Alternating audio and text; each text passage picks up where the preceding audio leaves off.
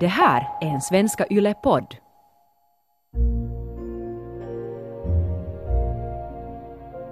Mitt självmordsförsök tvingade mig att söka avsked ur armén. Fråntaget mitt yrke och mitt kapital stod jag rådvill. Vad skulle hända härnäst, undrade jag. Min familj hade i all hemlighet ändå smitt planer på att skicka mig utomlands. Kanske av välvilja, eller kanske för att få undan den misslyckade sonen som bringade vanära över släkten. Svaret på min undran löd Amerika. Det var till Amerika jag skulle bege mig, till det förlovade landet där en man med sina bara händer kunde skapa sig en förmögenhet. Plötsligt kändes tanken alls ej längre skrämmande, utan som det halmstrå jag gått och hoppats på.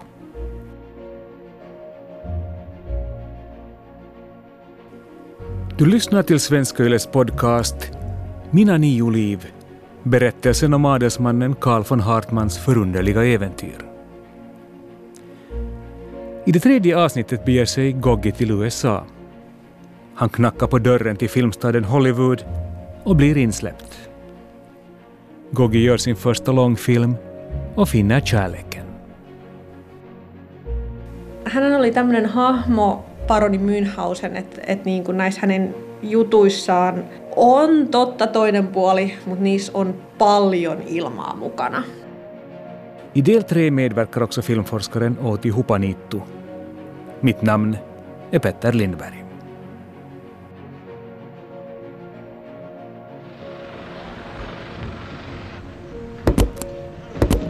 Jag införskaffade första klassbiljetter mot min förmyndares vilja. Men äventyret skulle starta grandiost, resonerade jag. Och tur var det, för vid ankomsten till New York slapp jag, i motsats till turistklassen, sitta i karantän. Det första jag gjorde var att knalla upp till First National Bank där ett utbetalningsavi väntade mig. Det stod mig fritt att åka vart som helst i USA. Jag löste problemet genom att på måfå placera mitt finger på en karta. Denver. Det var till Denver jag skulle, tänkte jag och kände hur äventyret redan väntade på mig. Därefter köpte jag en overall, underkläder, ryggsäck och ett par grova kängor och påbörjade min vandring västerut.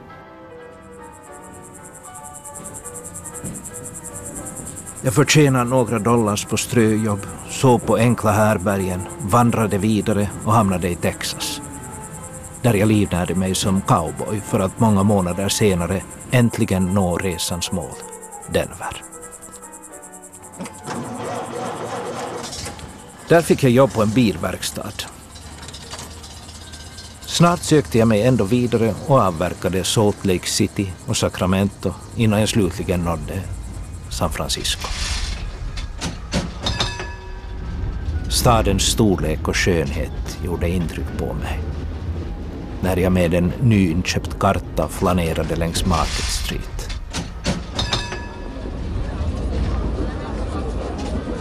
Efter några hundra meter tycktes en bekant person komma emot mig. Han var elegant klädd i mörkblå kostym och damasker och i övrigt sig lik som jag minns honom från vår gemensamma tid som flygare i Libau. Vad fan gör du här? Vad fan gör du här? undrade min kusin Gert Vrede när hans förvåning och misstro övergått i munter talförhet. Jag berättade att jag fotvandrat över USA och att det tagit mig ett år, sju månader och några dagar. Sedan enades vi om att slå våra kloka huvuden och begränsade tillgångar ihop. Jag flyttade in i Gerts möblerade etta och snart var jag upptagen i hans vänkrets i San Francisco. Visserligen stod jag utan jobb, men nöden är uppfinningarnas moder och efter otaliga biobesök hade jag upptäckt att uniformerna i de amerikanska krigsfilmerna sällan överensstämde med verkligheten. Här såg jag min chans. Reste till Hollywood och lyckades redan följande dag få audiens hos den berömde regissören Erich von Stroheim. Jag presenterade mig som militärexpert och påtalade den brokiga användningen av uniformer på filmduken. Det är just er jag behöver, sa Stroheim och anställde mig på kuppen som teknisk ledare för filmen Bröllopsmarschen som han precis höll på att spela in. Ei tämmöisiä niinku, niinku faktoja pystynyt tsekkaamaan. Et kun tuli semmoinen filmikirja, missä sanottiin, että Calvin Hartman on filmikaupungin uusi suosikki ja tehnyt sopimuksen pääroolista ja, ja Erik von Stroheim on kiinnittänyt hänet tärkeimpään osaan elokuvassa ja ties mitä niissä lukee niissä filmikirjeissä, niin se on nyt sitten totta, kun se on täällä näin tiedossa. Ja näin sitä, niin kuin sitä, sitä tietämystä sit niin kuin rakennetaan ja siis semmoista julkista imagoa.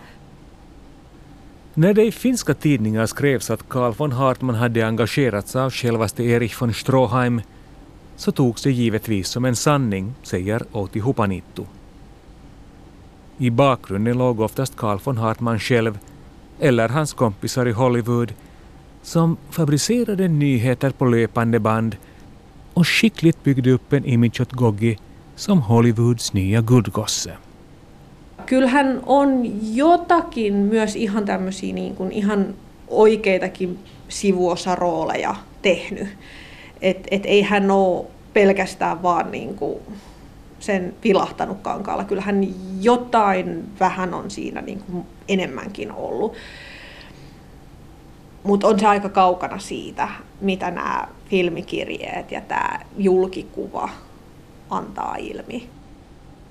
Visst hade Carl von Hartman några små biroller, men hans filmstjärnestatus i Finland byggde i högsta grad på överdrifter.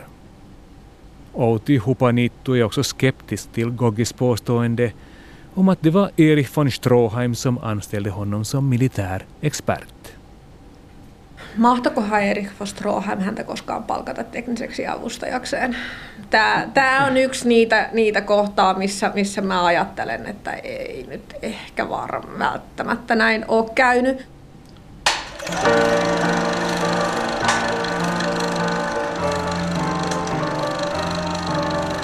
Jag fick fason på uniformsanvändningen i Hollywoodfilmerna. Pengarna började strömma in när även Fox Film ville engagera mig. Min lön steg till 500 dollar i veckan och nu hade jag råd att hyra lägenhet med salong, sovrum och eget kök.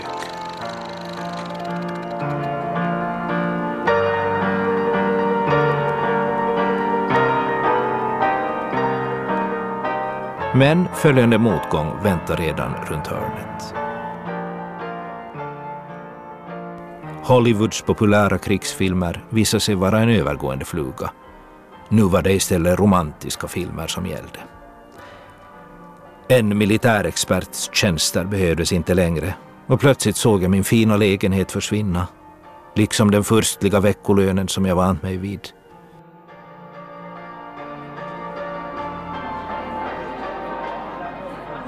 Jag var tillbaka vid ruta ett och deppade på France rotisserie när en distingerad äldre man vid ett angränsande bord väckte min nyfikenhet. Hans engelska var dålig och han hade svårt att göra sig förstådd på vare sig franska eller tyska. Jag erbjöd att hjälpa honom och när beställningen var avklarad presenterade han sig som ärkehertig Leopold av Österrike. Vi kom i gemytligt samspråk och han sa sig vara intresserad av filmstudiorna i Hollywood. Med mina goda kontakter erbjöd jag mig att hjälpa honom och redan följande dag intog vi lunch på MGMs studiorestaurang. Där åt vi vår lunch i all ro när den berömda filmstjärnan Elinor Glins assistent plötsligt stod vid vårt bord och erbjöd oss statistroller.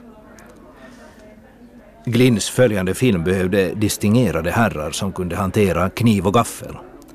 Och eftersom vi såg både välklädda och bildade ut var vi som klippta och skurna för de obesatta statistrollerna, påstod han och pekade i riktning mot Elinor Glynn, som på avstånd vinkade till oss. Detta anbud samtyckte vi gärna till och Elinor Glynn kom fram till vårt bord och erbjöd hertigen och mig furstliga hundra dollar om dagen om vi kunde tänka oss att medverka i hennes film.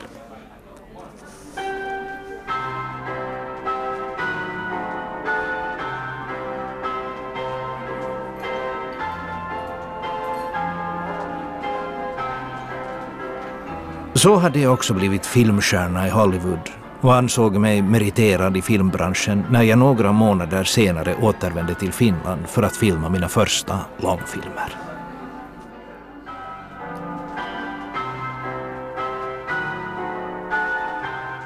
Kyllähän se taas on sitten aika paljon kuitenkin, että hän on nähnyt sitä, miten Yhdysvalloissa tehdään. Sentään hän on ollut siellä suurissa studioissa näkemässä, hän on liikkunut siellä piireissä – mutta eihän mikään täyden opin saanut elokuva-alan ammattilainen ole.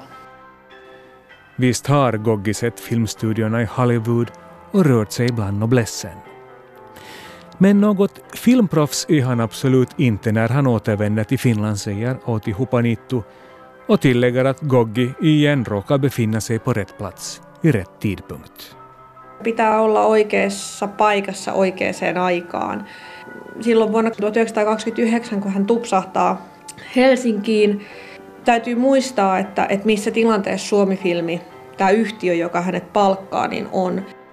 Suomi-filmins direktör Erkki Karu var engagerad i ett projekt att bygga skyskrapor i Helsingfors och hade egentligen inte tid för film, säger Outi Hupanittu. Därför anställdes militären Paavo Talvela för att underlätta Erkki Karus börda och man kan ju tänka sig att Goggi slank in i firman för att han också var militär och bra på att lägga sina ord. Hän oli myös upseeri. Eli, eli tässä oli niin kuin tekijöitä, jotka teki hänestä sopivan siihen kohtaan. Ja ainakin hänen muistelmiensa perusteella, niin hän oli myös tämmöinen niin kuin hurmaava hulttio, joka pystyi puhumaan itsensä lävitse.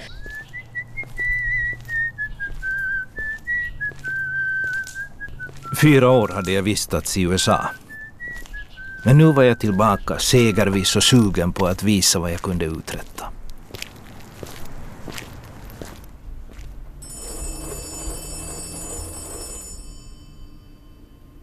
Efter ankomsten till Helsingfors avlade jag ett besök på Suomi Filmi. Jag presenterade mig för direktör Karu som började berätta om filmprojektet som för tillfället sysselsatte honom storfilmen som bar namnet Orosåren och Bobrikov som generalguvernör i landet. Jag lyckades övertyga direktör Karo att jag var den person som de sökte. Och inom kort var jag i färd med att planera kostym, rekvisita och engagera skådespelare. Huomio, huomio!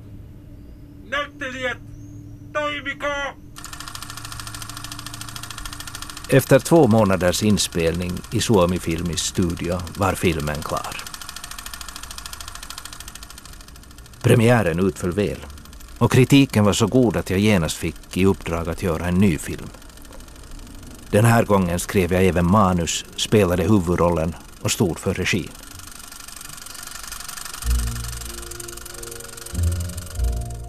Filmen, Den högsta vinsten, handlade om en ung och lättsinnig man som förlorat alla sina pengar på kvinnor, spel och fester.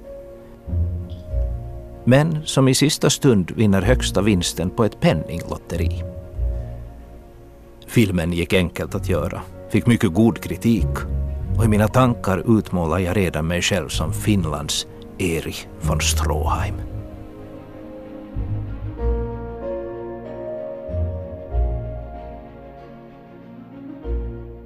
Hän, hän tuli tänne tämmöisenä niin kuin neljä vuotta oppia saaneena, kaiken osaavana, Hollywoodin täysin kokeneena, täysin oppineena elokuvan tekijänä, mutta ei hän semmoinen ollut.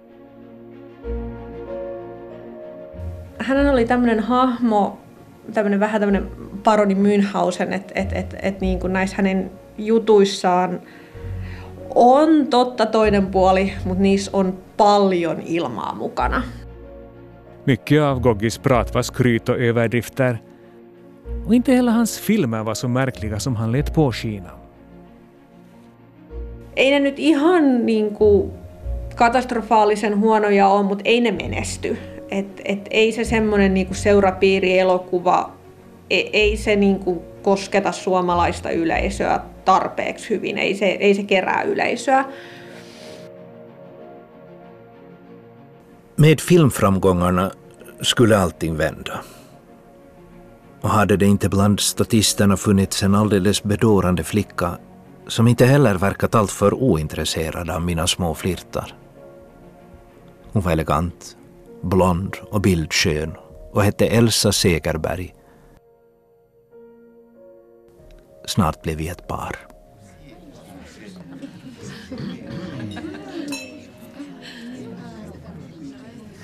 Jag hade i bokstavlig mening dragit högsta vinsten. Hittat en bedårande kvinna. Fått beröm för mina filmer och nu skulle vi dessutom gifta oss och flytta till en rymlig villa i Munksnäs. Mitt oroliga flängande var äntligen över. Min fasta punkt var ett segerberg som lystrade till det förtjusande namnet Elsa. Lyckan log för en gångs skull mot Goggi, tänkte jag. Och föreställde mig ett tryggt och borgerligt liv som alla i min släkt, utom jag, välsignats med. På vårvintern 1931 föddes dottern Kristina. Och den dagen kände jag mig stolt som en ung gud.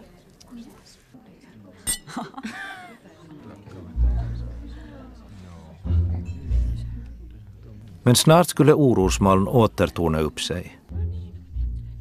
Jag jobbade fortfarande hos Suomi Filmi. Men uppdragen blev färre och obetydligare. Små filmer om Lappland på vintern och skärgården på sommaren var inte riktigt det som jag hade föreställt mig efter framgångarna med orosåren och högsta vinsten.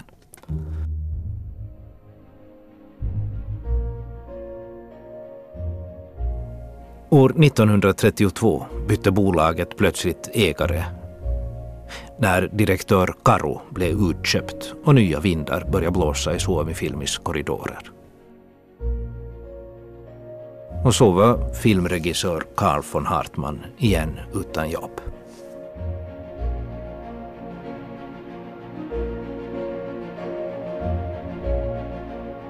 Tämä näin, että hän käy siellä niin kuin tekemässä niitä statistiosia tai sitten niitä pikkurooleja elokuvassa, niin se oli vaan niitä keinoja, joilla niin kuin rahoitettiin sitä oikeaa elämää.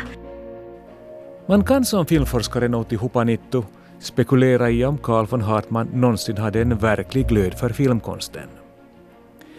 I efterhand framstår statistrollerna i Hollywood och filmerna i Finland som ett sätt att förtjäna levebrödet inte som något han verkligen brann för. Å andra sidan kan man också se Goggis filmkarriär som en revolt mot de förväntningar som hans adliga släkt ständigt ställde på honom.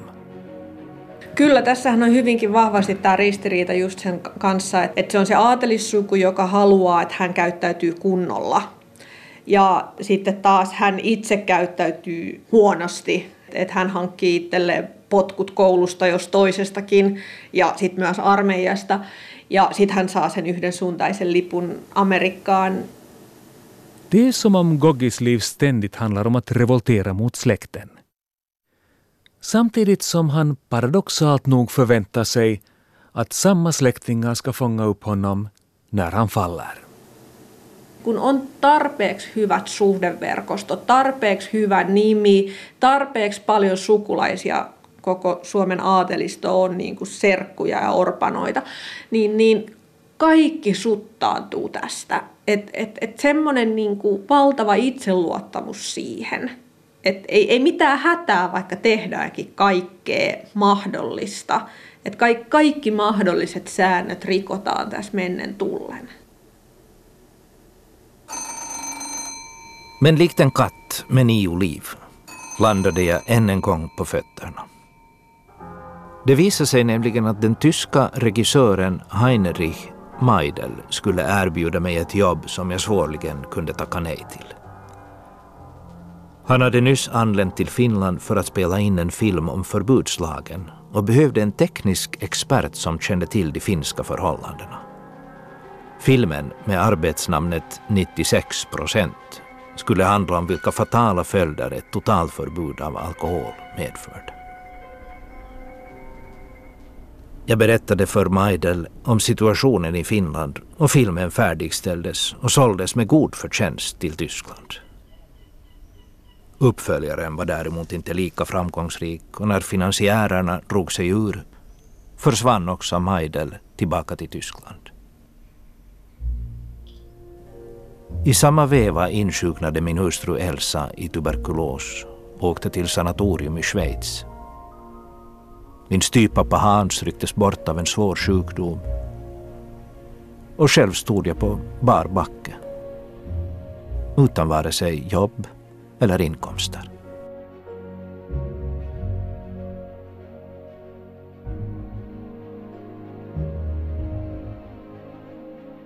Har filmregissören Carl von Hartman spelat in sin sista film? Finns det något jobb han ännu inte prövat på? Och på vilket sätt kommer den spanska diktatorn Franco att påverka Goggis liv? Jag tänker fara till spanska kriget, svarade jag och log snett som om jag själv inte riktigt trodde på mina föresatser. Du har hört det tredje avsnittet av Svenska Yles podcast Mina nio liv, adelsmannen Carl von Hartmans förunderliga äventyr. Som Carl von Hartman hörde ni skådespelaren Joakim Vigelius.